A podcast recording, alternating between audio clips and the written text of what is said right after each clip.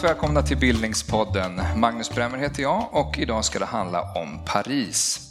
Hur blev Paris kulturstaden framför alla andra? Staden som i flera hundra år har varit den där konstnärer och författare, filosofer och modeskapare velat vara och verka i. Det ska vi ta reda på idag, live från Nordiska museet tillsammans med Paula von Wachenfeldt och Cecilia Rosengren. Varmt välkomna hit båda två. Tack så mycket. Tack, tack. Paula, du är docent i modevetenskap, har en bakgrund också som forskare i fransk litteratur och har under flera år gett kursen Modets roll i fransk kulturhistoria från eh, Ludvig XIVs hov till 1900-talets modehus eh, vid Stockholms universitet. Cecilia, du är docent i idéhistoria, specialiserad på tidig modern kulturhistoria och aktuell med den helt nya kursen Paris som idéhistorisk miljö under 800 år vid Göteborgs universitet. Jag tänker att vi ska försöka lägga band på den, den värsta Parisromantiken idag. Så att det kanske är lika bra att vi river av det här från början. Kan inte ni ge mig, säg tre skäl till varför ni älskar Paris som stad? Paula, du får börja. Eh, då får jag blanda ihop det professionella med det personliga. Eh, Paris eh, är ju mitt forskningsfält eh, och den franska kulturen i allmänhet sedan massa år tillbaka. Eh, och det andra skulle vara att eh, Paris är kreativitetens stad, eh, litteraturen, kulturens stad, estetikens stad och i det inbegriper förstås arkitektur. Mm. Och det tredje är att jag har en väldigt personlig relation till Paris. Jag har ju bott där, jag är franskspråkig så det ligger mig mm. varmt om hjärtat. Goda skäl. Mm. Cecilia? Ja, det får också bli lite personligt mm. då. Nej, men det är någonting med Paris som, är, som jag tycker är både det är en kombination av något väldigt storslaget och något väldigt eh, lokalt vardagligt som liksom kombineras i den här staden. Alltså det här storslagna, lite hisnande och samtidigt någon slags vardagsnjutning. Eh, du går ut på gatan, du går till bageriet, till kaféet, eh, den ostaffären. Det är någon vardagsnjutning mm. som finns där. Eh, någon slags balans mm. Eh, av det här storslagna och det här vardagliga. Sen så om jag ska ta två saker till personliga så tycker jag att det är en plats för fotgängare. Mm. Det är en underbar stad att gå i. Flanerande stad? Ja, det finns någonting i det här liksom flanerandet och eh, att man kan resa till fots genom Paris.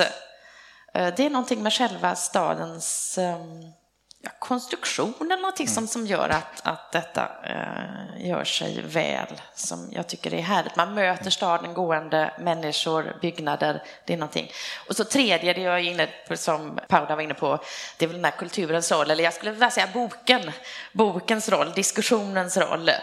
Och eh, under pandemin så var det ändå så, och det tyckte jag var intressant, att de nödvändiga affärerna som hölls öppna, det var ju då matvaruaffärer och apotek, men i Frankrike så var det också bokhandlar. Mm. och det tycker jag är något symptomatiskt över detta, att det var liksom en nödvändig. Mm. Och jag tänker också på bokinisterna som säljer böcker längs Seine. Det är ett världskulturarv mm. på Unescos lista. Så det är någonting med boken där också mm. som gör som jag Kanske vi får själva återkomma till flera saker. Men vi måste kanske neutralisera lite också. Mm. Finns det något som ni verkligen ogillar med Paris eller kanske parisarna? Ska vi svara kort? Ja, ja det kanske vi ska. Jo, då tycker jag att eh, orenligheten kan jag störa mig på. Ibland är det lite smutsigt i Paris. Mm. Eh, det är en gammal kvarleva sedan 1700-1800-talet. Ja, och sen tycker jag att det är störande med alla konstanta demonstrationer som finns överallt. För det stör ju lokaltrafiken, man kommer inte fram. Speciellt när man är där under begränsad tid, ska utföra ett arbete, man blir tokig. Och i Frankrike är det så att man först demonstrerar och sen kan man sätta sig och förhandla. Mm. Eh, ja. Det måste gå i, i, i den det, det måste gå i mm. rätt riktning och i det här fallet. Mm. Först bråkar man och sen kan man börja förhandla. Cecilia, har du något? Ja, men jag tycker nog att det är lite uppfriskande med de här demonstrationerna och den tålmodigheten när, när metron inte funkar och sådär. Jag vet inte, det, det, stör mig inte så mycket. Bilismen, men å andra sidan så verkar man ha tagit uh, tag i bilismen nu. Nu är det väl bara 30 kilometer i timmen som man får köra i Paris och det är väldigt mycket fler cykelbanor så det kanske blir bättre. Mm. Men under en lång period när jag bodde där så var bilismen eh, jobbig, mm. eh, tyckte jag. Eh, och sen så är det ju såklart att man ogillar med Paris, det är en storstad som är dyr och den är ju om har man ett kapital, man är, den är skön, skön, skönt för, skön för kapitalstarka Det är, det är en svår stad för svaga grupper. Men som ni säger, det, det, det, det finns en osviklig romantik som ni, mm. i, i, bara det ni beskriver här, går mm. runt på flanera runt stan och alla dessa kaféer och böckerna. Så det är, en, det är också en bild av Paris. Varför mm. har den, vi ska ju nysta i det här idag, ja. varför har den blivit så romantiserad? Ja, jag skulle säga att Paris består egentligen av två verkligheter. Den ena verkligheten är materiell och då menar jag i form av byggnader, broar, arkitektur, allt det där som vi ser som är påtagligt för oss. Och det är en väldigt, det är en vacker stad, det tilltalar ju besökarna. Eh, den här materiella sidan har egentligen förevigats också i konsten, eh, eh, i litteraturen. Så att kulturen har förevigat bilden av Paris som en vacker stad, som modernitetens stad som vi kanske kommer tillbaks till under 1800-talet. Så att det är den här diskursen som har pågått i det skrivna ordet men också i konsten som har bidragit till att etablera Paris som skönhetens stad. Det är flera hundra års flera hundra år sedan, det började egentligen på 1700-talet. Eh, men sen så finns den här immateriella sidan eh, och det är den här liksom att man tilltalas av kulturen. Man åker till Paris för att se konst, för att bekanta sig med, med matkulturen. Så det är båda verkligheterna som interagerar och som, eller, som skapar den här bilden av Paris som en vacker stad, som kulturens stad. Så både det vi ser och tar på, men också det som finns i litteraturen som många tilltalas mm. av också och som har varit en viktig inspirationskälla för eh, hela världen i princip. Vad, gäller. vad säger du Cecilia, helt kort om just bilden av Paris? ja, det är ju jättesvårt att säga helt kort, för det här är någonting som eh, redan på medeltiden diskuterades, både det här liksom mm. Men jag tänkte att vi ska återkomma till, eh, ja, det till, kanske till medeltiden. Men, mm. nej, men jag tror att Paris fungerar mycket som en projektionsyta för olika begär och drömmar. Och den här projektionsytan, den, den, kan man också säga att den kanske nästan medvetet skapat ifrån Paris också, i synnerhet när man tänker den här perioden som vi kanske ska prata om sen, La Belle Époque, mm. som så medvetet skapas som en period som är liksom en drömperiod, lite nostalgiskt och så. Där är sekelskiftet Ja, och då kan man ju koppla det till mer materiella eh, saker som en turismindustri, också modeindustri, Absolut. Absolut. som gör liksom det här Paris lever på detta. Men vad jag vill, vad jag vill, vill kanske plocka fram då med den här projektionsytan för drömmar och begär, så finns det ju så många aspekter av det. Dels en politisk makt, eh, olika händelser mm. som liksom är kopplade till Paris, som liksom är kopplade till olika begär och olika idéer om hur vi ska leva. Eh, ja. Du tänker revolutioner exempelvis? Ja, till exempel revolutionen. Men det är också ekonomisk makt som jag sa med, det med turismindustrin, modindustrin. Eh, men det är också på ett existentiellt plan, tror jag. Eh, och det ser man redan från medeltiden, med den här längtan efter den här staden, att, att i Paris så är det för många människor så blir det liksom formativa år.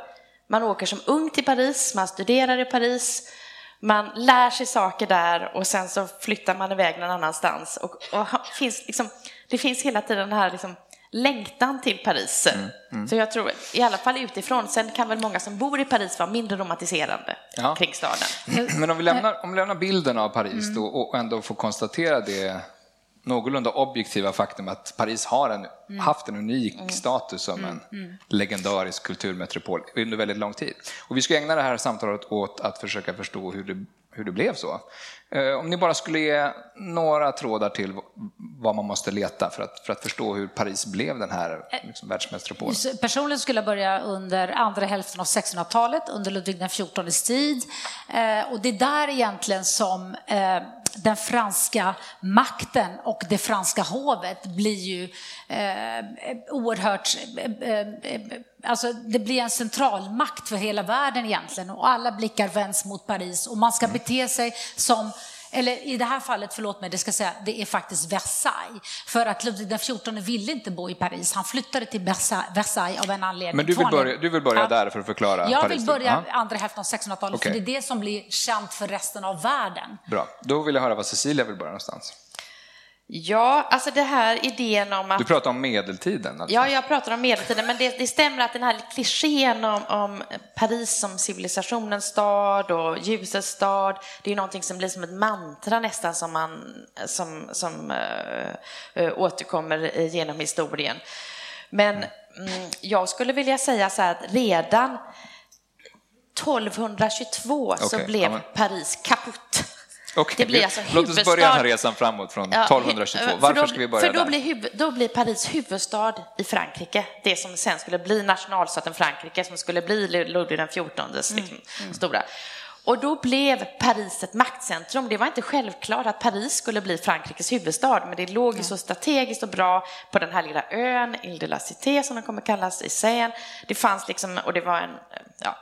Så det blev liksom ett politiskt maktcentrum och ganska omedelbart då så, bildar, så skapades liksom den här, den här konstruktionen av La Cité, eh, La Ville, l'Université. Så liksom en, en, en del, stad delad på tre delar med liksom ett centrum och så på högra stranden så är det mer liksom eh, borgerlig och handel och vänstra stranden mer eh, universitetsstad. Eh, eh.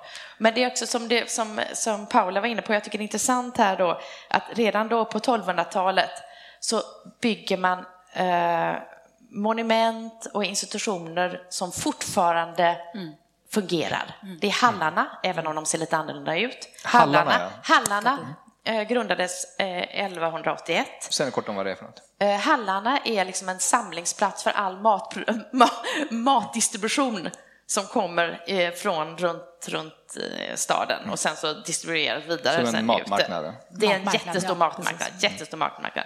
Louvren börjades bygga eh, 1190, sen höll man på många hundra år för att den ska bli klar. Eh, vi har Notre Dame 1163, eh, en stor ringmur, olika sjukhus, olika institutioner som fortfarande finns, liksom, som är aktiva, som fungerar. Men innebär det då, blir Paris då redan då en plats som folk från, en, från, från som hela Europa söker sig till? Ja, framför allt då just det här universitetet som grundas runt 1200. Eh, Och det är en utveckling av Notre Dame. Alltså det här är ju så komplicerade maktkamper mellan kyrka och stat. Men man kan se liksom att Notre Dame, de har liksom en skola, det, behö- det finns liksom vissa kunskaper som behövs som man kan utbilda sig i Notre Dame. Och, eh, och där École de Notre Dame blir känd och lockade till sig studenter från hela Europa. Och sen så var det många andra kollegier, man kallar det för kollegier, college, eh, som sen blev colleges i England och USA och, och så, men kollegier med lärda, eh, lärda institutioner som då kunde utbilda studenter. Men så och vi- en, jag vill på- bara säga, en utav dem var eh, Robert de Sorbonne. Och hans kollegium blev det som blev sen Sorbonne. Och det är ju det alltså. universitetet som sen lockar studenter verkligen från hela Europa. Och, eh, och det är ju intressant att redan då på kanske 1200-talet så har man kanske 3000 utländska studenter. Det är ju väldigt, för man kan tänka sig då, de kommer dit, sen åker de tillbaka till sina länder och berättar om Paris. Alltså, så det blir den här Just det. det är b- både, både en samlingspunkt och någonting. eh, Exakt, redan det var det jag börjar- att bilden av Paris börjar. Mm. där redan som liksom... Vill du lägga till något om medeltiden? Ska vi hoppa fram till... Jag eh, börjar alltid med 1600-tal. Det som hände på andra hälften av 1600-talet, vi har ju Ludvig XIV som kommer till makten. Och all pompa och ståt börjar då vid Versailles. Ludvig XIV ville inte bo i Paris därför att han, han flyttade till Versailles och byggde om Versailles och byggde till Versailles för att han ville kontrollera adeln. Han var ju orolig att de skulle göra uppror mot honom, vilket de hade gjort när han var ett litet barn. Så det var ett sätt för honom att visa sin storhet för världen, för adeln, som han var i princip jämt i konflikt med. Så att Paris var inte så intressant då under andra hälften av 1600-talet, till skillnad från det du säger här på, från medeltiden. Så det var Versailles, alla blickar riktades mot Versailles. För det var det här som eh, eh, lyxen skulle utspela sig. Och det är nu som resten av hoven runt om i Europa börjar titta på Versailles för att se hur man klär sig, hur man för sig, vad är det för etikett och så vidare. Så att där blir en väldigt, ja, Ludvig XIVs hov blir ett viktigt fundament för lyxproduktion och lyxkonsumtion som eh, då påverkar resten av de europeiska hoven. Och Så det är att Paris, börjar Paris, som, eh, Paris som modestad, som vi ska prata lite mer om alldeles Ja. strax, tänkte jag, eh, det etableras redan i den här hovkulturen. Nej, jag skulle inte säga Paris som modestad under 1600-talet, utan Paris som modestad kommer till på 1700-talet. Ja, men det frans- det franska modet då, Men säga. det franska modet, absolut, det franska modet, den franska lyxen, det är då den etableras under den här perioden, under hans regeringstid. Ehm, och, och, och, han var ju så skicklig, han förstod ju värdet av manufakturer, han förstod värdet av textilier. Så att han importerade utländska arbetare för att de ska lära de eh, franska eh, eh, hantverkarna Eh, hur man tillverkar siden, hur man, eh, ja, olika brokader, allt sånt där. Så att han förstod ju värdet av textilindustrin som är, ligger till grund för allt mode. Vi har inget mode utan textilindustri. Men vad gjorde Och, detta med, eh, med Paris som stad, att, att, så att, att, att, att kungen flyttar ut? Paris var en smutsig stad, han var inte ens intresserad av Paris. Så att makten låg i Versailles. Mm. Så att Paris var ju inte intressant överhuvudtaget under hans regeringsmakt. Men det som händer är att efter hans död, 1715 så eh, börjar hovadeln förflytta sig in till staden Paris. Eh, hovadeln, Därför att det var ju fruktansvärt att bo i det här hovet. Det var ju alltså ett enormt rigid system som alla var tvungna att anpassa sig till. Och eh, den eh, delen av adeln som ville åt makten och alla privilegier man fick av kungen, de var ju tvungna att vara vid hans sida vid hovet. Han brukade säga, Ludvig XIV brukar säga att Eh, om någon nämnde någon särskild eh, adelsman så brukar han säga, vem är det? Jag har inte sett honom. Det visar ju vikten av att vistas vid hovet för att kunna delta i maktspelet. Men det var ju också väldigt svåra omständigheter därför att alla konkurrerade med alla. Eh, det man ser på filmer, hur alla intriger, det, det hände ju på riktigt. Och det framgår ju i memoarerna också från den tiden. Men det som händer är att efter hans död så eh, folk, hov, folket var ju trötta på, den här rigida, på det här rigida systemet och all konkurrens och ingen mådde bra av det. Då började de förflytta sig till staden Paris. Och bo... Hela adeln egentligen? Eller? Eh, de flesta medlemmar gjorde det såklart, inte, inte hela, det är klart det fanns ju vissa... Eh, Men det sker en så, förflyttning av adeln det, till staden? Det sker en allmän förflyttning av adeln in till staden Paris och det är här de bor då i sina så kallade hotell particulier som är väldigt somptuösa. Eh, en slags eh, palats, stadspalats? Mindre palats skulle mm. man säga. Och det är här de bosätter sig. I och med att eh, hovadeln bosätter sig i staden Paris, då börjar den blomma som lyxens stad. Då blir den centrum för lyxproduktion. Därför att den eh, delen av samhället vill ju förse sig med, med komfort och med, med allehanda lyx. Så det är klart att det här sätter igång en mm. lyxproduktion och gör att staden Paris blir en, en viktig, eh, ett viktigt centrum för den här typen av aktiviteter. Mm. Och det är där som grunden ligger för den lyxen, den franska lyxen som vi känner till idag. Det är ju 1700-tal. Det ska vi följa upp. Jag tänk, vill du lägga till något om 1700-talet Cecilia? Jag tänker att det, är, det blir ju inte en mindre intellektuell stad på 1700-talet, Paris. Nej, men jag skulle ändå vilja flytta tillbaka tiden lite grann. För om jag tänkte liksom, jag är idéhistoriker och jag har liksom, mitt fokus är mycket det här liksom, äh, staden som en, en lärdomsstad och mm. liksom, den kulturella diskussionen. Då kan vi ju se redan renässansens Paris, mm. som François le Premier som är liksom den som på något sätt skapar Frankrike som, eller konsoliderar Frankrike som nationalstat. Han skapar en sån institution som Collège de France, som heter Collège Royal, eh, som eh, var ett sätt att ehm, skapa en alternativ lärdomsinstitution. Eh, alltså Sorbonne var ju styrt väldigt mycket av kyrkan, mm. men det här skulle vara en sekulär plats för den alltså, kunskapen, den absolut liksom modernaste kunskapen. Mm. Och Collège de France är ju också en institution som fortfarande är eh, aktivt och har fantastiska mm. föreläsningar som är publika, allmänna.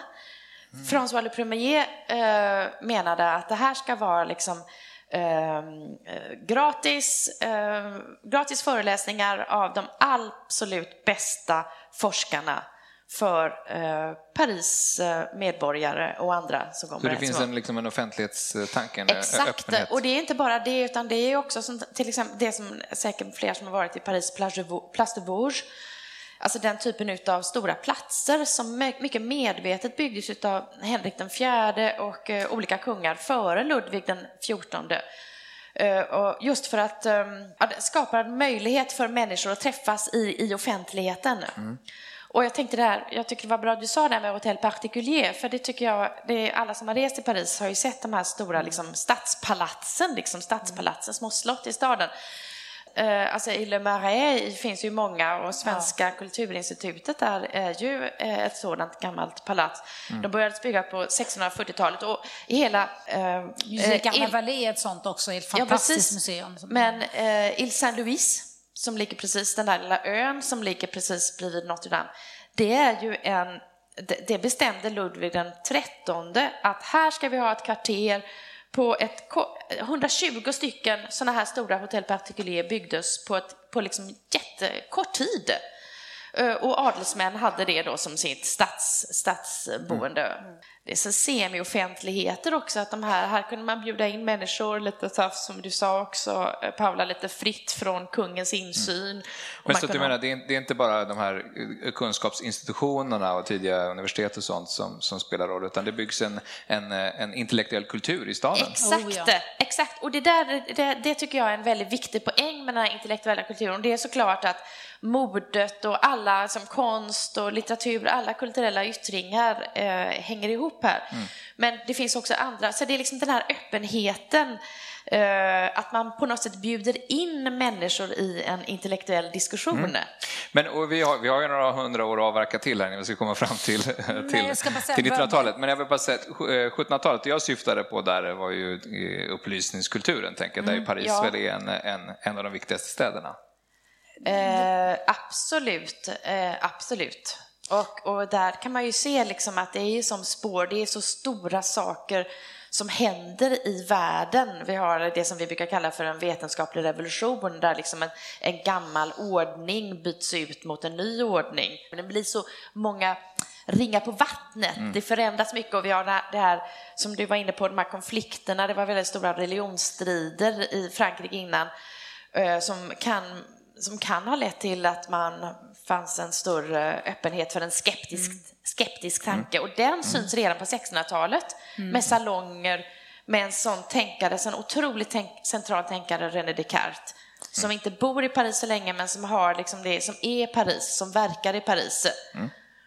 Men jag måste bara säga, lägga till här, den salongen som började redan på cirka hälften av 1600-talet, som fördes, litterära salongen, Eh, den började redan på 1600-talet, det var ju leddes av kvinnor, speciöserna bland annat. Men det var fortfarande så i anslutning till hovet. Det som är intressant med 1700-talet är att nu blir det här fria ordet i en litterär salong som frigör sig från hovets restriktioner. Så nu är det liksom en frizon där. Och den här litterära salongen får en jättestor betydelse därför att här kan man ju umgås med varandra på ett helt annat sätt och det är olika sociala klasser som kan bemötas till skillnad från eh, palatset från hovet. Så att litterära salongen har en viktig betydelse därför att det är här som de flesta upplysningsfilosoferna börjar diskutera olika politiska spörsmål, olika sociala eh, problem och hur man, skulle, eh, ja, hur man skulle förbättra levnadsstandarden för människorna, hur man ska upplysa dem. Så att salongen är viktig, dels som ett politiskt redskap för att förändra samhället, men också som, det var ju också mycket nöjen i de här salongerna. Man, man eh, man... Ja, så det här var ju intellektuella, kulturella kvällar i adelns hemmiljö kan man säga. Ja, inte bara. Det var även eh, eh, högre borgerskapet kunde också ha egna mm. salonger. Det var, det var den, den förmögna borgerskapet som mm. kunde hålla salong. Så det var ju det är den här öppenheten som är ganska nytt då, som äger rum på 1700-talet, som är helt olikt eh, hovet där allting eh, liksom var ju anpassat till om, huruvida kungen tyckte om eller inte. Nu har vi det här fria ordet. Mm. Och det är ju här egentligen som upplysningen kommer ju från de idéer som behandlades och debatterades i den litterära salongen. Det är här vårt moderna samhälle bygger på.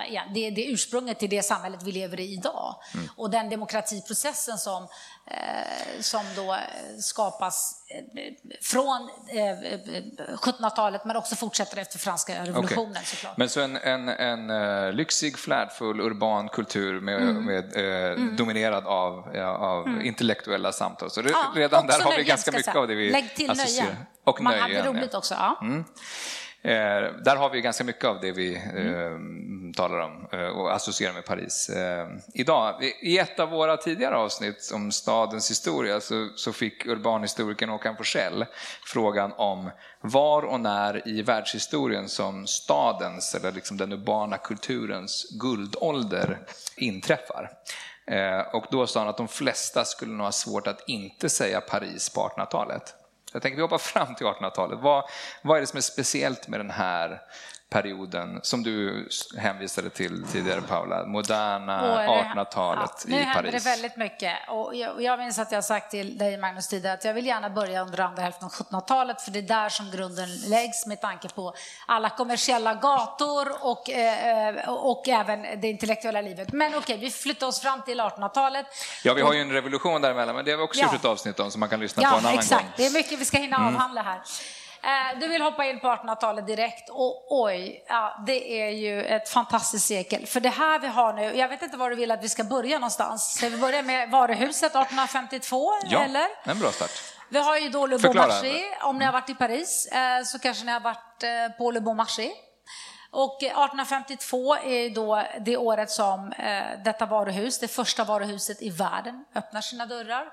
Och det blir en enorm förändring av i princip allting. Därför att eh, det som händer är att man nu har en enda byggnad som tillhandahåller alla möjliga saker. Tidigare gick man till olika affärer för att köpa olika saker. Nu har man ett eller en enda byggnad, eller ett tempel som författaren Zola kallar det för. Och det var ett helt nytt sätt att röra sig, att konsumera. Och det är det som blir den stora förändringen i stadens historia, men också för stadens olika yrkeskategorier. Därför att när det här varuhuset eh, eh, öppnades så slog det ut de små butikerna. De här stackars gamla butikerna som hade haft sina, sina, sina butiker i generationer, de var tvungna att stänga igen, de flesta av dem, därför att det blev mycket mer lockande att gå till det här spännande varuhuset som såg ut i princip i det varuhuset som vi känner till idag. Man mm. lockade kunderna med vissa varor precis vid ingången, man ändrade utbudet, utbudet och man sänkte priserna. Det var det som var viktigt och det var alla, allehanda eh, möjliga människor som vistades i det här varuhuset. En sak en... som brukar associeras till varuhuset är väl också en, hel, en ny rörlighet för, ja. för kvinnor i, i staden. Ja. Att man kunde röra sig in. Kan du förklara hur det där hänger ihop? Jo, men alltså, tid, kvinnor har alltid haft svårt att röra sig ensamma. De skulle alltid ha med sig någon för att inte misstas för att vara en person som inte är värdig, alltså en, eh, kan misstänkas vara prostituerad eller någonting annat. Så att en respektabel kvinna ska inte gå runt ensam. Visserligen i det här varuhuset så gick de oftast två och två eller fler, men det som händer är att kvinnorna lämnar sina hem och, och beger sig till varuhuset. Det blir som en social arena för kvinnorna. Där kunde man eh, Eh, träffas över en kaffe. Det fanns ju eh, en bokhandel. Så det var ju precis det, som, det, det varuhuset som vi känner till idag.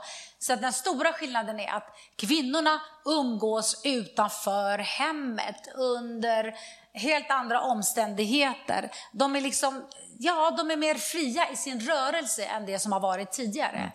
Och sen så, ja. Och då, då, då blir man, eh, utöver den rörelsefrihet och alla de positiva saker som kommer med det, så blir man också eh, konsument. Eh, Absolut. Men också, är det så att, det, att varuhusen också blir en arbetsplats för kvinnor? Det också. Så att varuhuset blir både eh, en möjlighet för kvinnan att arbeta, tjäna sina egna pengar, men också som en konsument. De här det har varit väldigt mycket kritik, ibland, vi ska diskutera kanske boken Sola, eh, Damernas paradis. Men där nej, men, det, eh, säg något kort om den nu Nej, men, alltså, Damernas paradis är ju en bok som bygger på författarens iakttagelser, observationer på dels Le Bon Marché, det, varuhuset som vi pratar om nu. Och den är av Emile, Emile Zola? Emile Zola är författaren Författaren eh, eh, satte sig på plats på både Le Bon Marché och Le Louvre och iakttog hur människorna betedde sig, eh, frågade expediterna, frågade vad de tjänade, följde varans ankomst till dess att det har blivit uppköpt. Så att han, det är liksom en etnografisk studie där han satt och betraktade allting. Mm. Och det var så han arbetade observerade och sen eh, antecknade han liksom allt som för sig gick. Och då blev det den här boken. Jag vill höra då... vad, vad, eh, Cecilia eh, säger om den här tiden också, men jag måste bara... Det, här är det så att varuhuset skapar en scen som också då blir en Uh, ytterligare en av dessa bilder av den här staden som sprids. Hur, hur, hur, hur viktig skulle du säga att modekulturen, lyxkonsumtionen, är för alla de andra sakerna som vi associerar till 1800-talets Paris och konsten och litteraturen? Och så? Alltså modet är en del av den franska kulturen eh, och det har det varit sedan i princip 1600-talet ska jag säga, det var det jag sa tidigare. Så att det, det, är bara en ytterligare, alltså modet är en kulturell och ekonomisk angelägenhet på en och samma gång. Och den här dubbla sidan av modet skapas ju under andra hälften av 1700-talet och sen byggs det upp så småningom och så förstärks det med hjälp av varuhuset, den här nya typen av masskonsumtion som kommer till. Men vi har, väl också, vi har ju en konst och en litteratur som är intresserad av det här stadslivet på ett annat Det är sätt. det som är så roligt, därför att även intellektuella har skrivit om mode. Mm. Baudelaire har skrivit om mode, Baudelaire har skrivit om moderniteten och moderniteten är ju det här att... En fransk att, poet från den här tiden, ska vi säga. Förlåt? En, en fransk poet från den här tiden. fransk poet, just det, jag måste lägga till sån där ja. De tar för givet. Jo, men alltså även intellektuella har engagerat sig. Poeter har skrivit om mode, författare har skrivit om mode. Så det är liksom en självklar bild Mm. av den franska kulturen och det är det som jag tycker är så himla häftigt och som man är väldigt mån om. Och än idag är med, hjälp av olika statlig stöd och allt det där för att bevara. Cecilia, nu har du väldigt många spår att plocka Ja, upp. Du får precis. välja vilken Väldigt, du vill. väldigt många spår. Men, men, men jag tror att det, såklart 1800-talet är jätteintressant. Det är ett uttryck för moderniteten. Den moderniteten påbörjas redan på 1700-talet. Mm. Så att det där liksom att... Eh, Ni vill gå bakåt hela tiden. Ja, men ja, det, det, jag är historiker så. Ja. Det, men det är såklart att franska revolutionen är ju ett avgörande brott. Och man kan se under 1800-talet, alltså Paris är ju en otroligt intressant stad under 1800-talet på så himla många olika sätt, men också så här politiskt. Det är liksom ett experimentverk, liksom en verkstad för olika typer av konstitutioner, det är republik, det är monarki, liksom om vartannat olika, olika sådana liksom experiment och, och det är också en plats där en otrolig intellektuell aktivitet sker kring de här eh, olika politiska ideologier och eh, överhuvudtaget kring eh, det moderna postnapoleanska samhälle som växer fram. Och eh, samtidigt som ehm, varuhusen då eh, etableras som en ny form av konsumtionsarena så kan man också se att eh, en- författare har skrivit att världshistoriens största stadsplaneringsexperiment äger rum.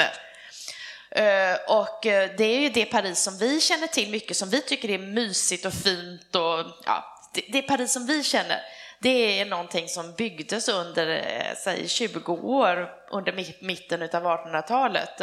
Eh, Lett utav en man kallad, när han hette Baron Osman, som hade fått i uppdrag att sanera Paris. Och det, som Paula säger, det var väldigt smutsigt, dålig hygien, Eh, Men det fanns också politiska anledningar till detta, att stävja de här upproren. Vi har ju revolutioner ja, 1789, men sen en revolution eh, 1830, 30, mm. 1848. Ja. Och sen ytterligare en 1870. Alltså det är en väldigt våldsam plats. Det är mycket blod som flyter på, på, på gatorna. Och du nämnde ju Zola. Zola har skrivit många böcker, Mm. bland annat till exempel om Hallarna. Och han, har, han har skrivit många böcker om Paris.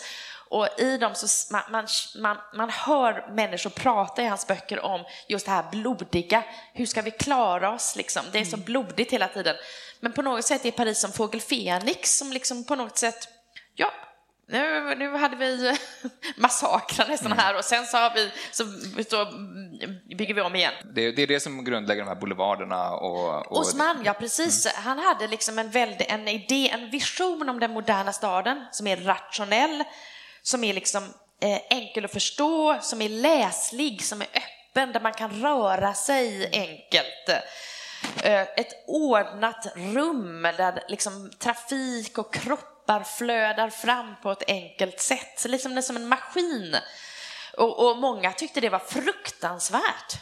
Många intellektuella och konstnärer tyckte det var fruktansvärt det här som Osman, han, han rev de gamla liksom krumbuktiga gatorna och, eh, och, och skapade dessa räta boulevarder. Och Verlaine, han kallade det för långtråkigheten i osmanigheten. Det här l'ennui, ett splen de Paris som Baudelaire också skriver om. Det här liksom att det är långtråkigt, det blir, liksom blir någonting, ja, men, men som samtidigt skapar en, om ni har tittat på bilder under den här, det finns fotografier under den här från den här perioden och man verkligen ser att Alltså det klara kvarteren, eh, multiplicerat i, alltså det, det rev, rev så mycket och byggdes upp så mycket Så att det är någonting i denna här brutaliteten också, att det här byggkaoset, hur ska man förhålla sig till det? Mm. Och det kan man... Och, men, men det, jag, det, det, men, det är moderna Paris eh, följs Ja, det är moderna Paris. Men då mm. bara för att avsluta där, jag tycker det är också intressant, liksom, 65 mil trottoarer grundade hos man. Ja. Det är alltså så många breda trottoarer där man kan ha kaféer, där man kan gå. Husen har balkonger med vyn över gatan, så det liksom hela tiden finns den här Gatan är någon slags magnet, trottoar, man ska röra sig där och som Paula säger också det här, på något sätt ändå, det var inte så bra för kvinnor att röra sig på gatorna. Jag vet inte hur de tog sig till varuhusen, kanske i, kanske i omnibussarna. I omnibussarna. De, de, var sällan ensamma. Men jag ska säga att den här moderniseringen av Paris ägde rum mellan 1852 och 1870. Det är då det är som störst. Och det är då som varuhuset kommer till också. Så ni kan tänka er, det är liksom inte bara fysionomin av staden som förändras utan även sättet att bete sig. Mm. Och det här nya eh, konsumtionsstämplet som kommer till. Så ni kan tänka er det enorma förändringar som äger rum. Och det är det som författaren Sola skriver också i sina anteckningar att jag vill verkligen teckna det här seklet. Eh, eh, erövringens sekel skriver han. Så att det är liksom, människorna var ju oroliga också precis som du nämner. Och här, att, att det är liksom det är det här, hur ska vi göra, vi är vana vid det här, så kommer det här nya, som, det okända, som helt plötsligt blir väldigt öppet och väldigt eh, föränderligt också. Mm. Det var ju en, en eh, ja, det var också ett sätt att... Uh... Men jag kan väl lägga till men, det, med det här med självbilden, jag kan lägga till det liksom för att det är just också den här perioden som att det finns liksom någon slags idé hos parisarna, som till exempel Victor Hugo, att framställa Paris en som just en mm. annan författare, Victor Hugo som ni säkert känner till, eh, Ringaren av Notre Dame, Samhällets olycksbarn, mm. han skrivit en sån Jo, för just i den här perioden, det är, då har man stora världsutställningar som är placerade i mm. Paris, så det är också intressant. Det är mot det är liksom, slutet av 1800-talet. Ja, men det är ju redan 1867 men, men, så säger Victor Hugo i en Paris-guide som han skriver då, förord till, skriver, Paris är den plats i världen där bäst, man bäst hör framstegets väldiga segel rista. Så det är liksom en känsla av att Paris är det som, som bär världen framåt. Och Eiffeltornet har vi ju sen som byggs också 1889 som också är ett exempel det på häftigt. detta. Det är det som är så häftigt, att det är liksom litteraturen och konsten som befäster staden Paris som världens huvudstad. Det är ju är helt fascinerande på ett väldigt liksom, konsekvent sätt hela tiden. Ni har pratat om, du har pratat om La Belle Époque på sekelskiftet, men jag tänker också att första halvan av 1900-talet är väldigt associerad med, alltså finns en, den här romantiska bilden av Paris har mycket med Eh, vänstra stranden och kaféer och rödvinsglas och polokragar och existentialism att göra. Den historien jag har tecknat, det är som, nästan som att den kulminerar under den här tiden. Varför tror ni att den här fortfarande är liksom bilden av den intellektuella och, eh, och modeikonen är så starkt kopplad till den här kulturen på något sätt? Ja, men alltså det, var ju det, det jag menar är att det har ju blivit förevigat i, i, liksom, i kulturen. Så att det är, grunden har ju lagts väldigt tidigt, så har det fortsatt också. Men det som händer är att själva modeindustrin blir också världsledande. Eh, från eh, andra hälften av 1700-talet och framåt i princip oavbrutet fram till första hälften av 1900-talet. Mm. Från 1947 kanske får lite konkurrens av Italien som börjar tillverka mycket billigare. Men det är, eh, jag är modevetare, så ur ett modeperspektiv skulle jag säga att eh, eh, modet har en central roll också i synen på den här staden som romantisk och vacker. Därför att man åkte till Paris för att redan på 1700-talet hade Paris ett rykte att man, det här man ska, det var ett kutym att man skulle åka till Paris för att få någonting skräddarsytt. Och så har det fortsatt. Och sen så eh, likaså 1800-talet som den här utställningen visar till exempel huset Worth som kommer till här i mitten av 1800-talet. Man börjar tillverka haute couture. Det är nu man börjar prata om haute couture under andra hälften av 1800-talet. Och det är samma sak där. Eh, den stora klientelen bestod av kejsarinnor, eh, övre adeln, som åkte till Paris just för att få sina kläder skräddarsydda. Så det är klart att... Skräddarsydda, det är det haute couture syftar på? Det är det som är haute couture, ja. Och det är det som gör att staden befäster sin roll som en, en central nation nation eller en centralstad för, för mm. estetiken, mm. skulle jag säga. För, för tycke, för, för stil, för smak. Vad säger du om det, Cecilia? Det som liksom nej, men jag, jag, nu drar jag trådarna tillbaka igen. för, nej, men för jag tycker det är intressant. Ja, men det är det som är spännande, den här kontinuiteten i den här staden. Jag tror mm. att det är någonting där, liksom, att det finns en sån kon lång kontinuitet. Eh, om man läser eh, om eh, svenska studenter som åkte till Paris på 1600-talet, adelsstudenter, och det var inte, man, det handlade om något som man kallar för Grand Tour, som man skulle liksom åka ja. runt i Europa och inhämta erfarenheter och sånt. Och då kan man se att de lägger ner jättemycket pengar på kläder. Ja, oh ja. Och det är så intressant, och på 1600-talet, det är liksom det, eh, och då föräldrarna hemma, Oxenstierna och andra, de klagar. Men, men, men det är så viktigt det här med de här kläderna från Paris. Oh ja. Och då är det ju män, då är det ju män då liksom. Men, det, men, det är många, men, väldigt många svenskar som skriver hem på 1900-talet också, så det, exakt, det, är en, det är en tidlös grej om Paris. Så det, det är något, ja men det, ja, det är någonting. Men, men eftersom Cecilia nämner 1600-talet så vill jag bara tillägga att där fanns det en, en debatt i Sverige för att man tyckte att man Eh, man ville få bort de här franska influenserna för det mm. ansåg man att det var eh, liksom ett hot mot den svenska dygden, den svenska självbilden. Eh, hovet skickade ut ambassadörer till Paris för de skulle komma tillbaka och rapportera hur man, hur man klädde sig i Paris. Och jag skulle säga, vi är inne på 1600-tal här nu, mm. du vet, de flesta kungliga dräkterna kom ju från Paris. För allt från guldbrokaderna till, till allt, till sam sammettyget till silkes och allt importeras från Paris. Men vi, vi, vi måste bara avsluta och, och eh, bara för att avsluta den här hastigt tecknade linjen genom Paris 800-åriga historia eh, som kulturmetropol. När skulle ni säga att, att ungefär, om ni skulle försöka datera när Paris tappar den här ändå uh, unika ställningen i, i Europa som den absoluta metropolen? Det beror på vilket perspektiv vi pratar nu. Du får välja ska jag säga modeperspektiv kanske, som jag sa där, runt 1947-50 där, därför att eh, Italien får hjälp av USA, den så kallade Marshallplanen, för att Italien ska kunna återuppbygga sin eh, textilindustri som hade raserats under krigsåren. Och då blir Italien en intressant konkurrent till, eh, till Paris. Så att det börjar där ur ett modeperspektiv. Sen fortsatte förstås USA under första hälften av 1900-talet. Började också inse att Paris kan inte fortsätta leda hela världen med, med sin smak och sitt mode. Så man mm. till och med efterlyste eh, tävlingar i, i, tidningar för att man skulle konkurrera med den franska klänningen. Mm. Och det var eh, jättebra respons. Läsarna kom in med massa förslag då hur det här skulle hur Paris mode ska kunna konkurreras ut. Mm. Ja. Cecilia, som ja, intellektuell stad. Ja, men man ser så konstnärligt så tror jag New York eh, kom att eh, efterträda Paris efter andra världskriget. Men när man ser intellektuellt sett så finns ju någonting som senare kommer kallas för French theory. Det är, liksom, det är fransk teori på export. Och eh, eh, det fanns en medvetenhet eh, hos, eh, i, i Frankrike att skapa just liksom en, en en, en hög intellektuell eh, verksamhet och frekvens kanske med sådana här skolor som elitskolor som École Normale Supérieure.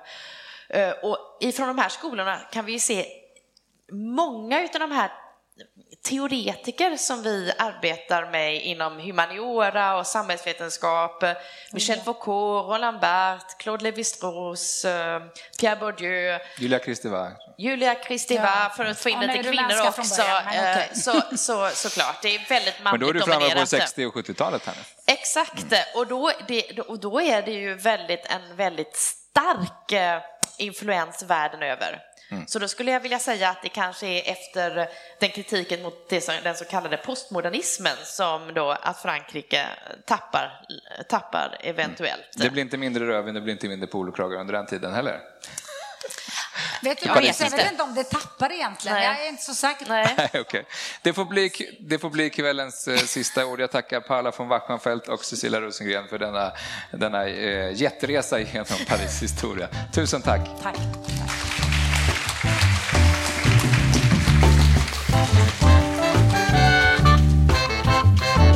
Du har lyssnat på Bildningspodden, en del av bildningsmagasinet Anekdot. Fler poddar, filmer och essäer hittar du på anekdot.se.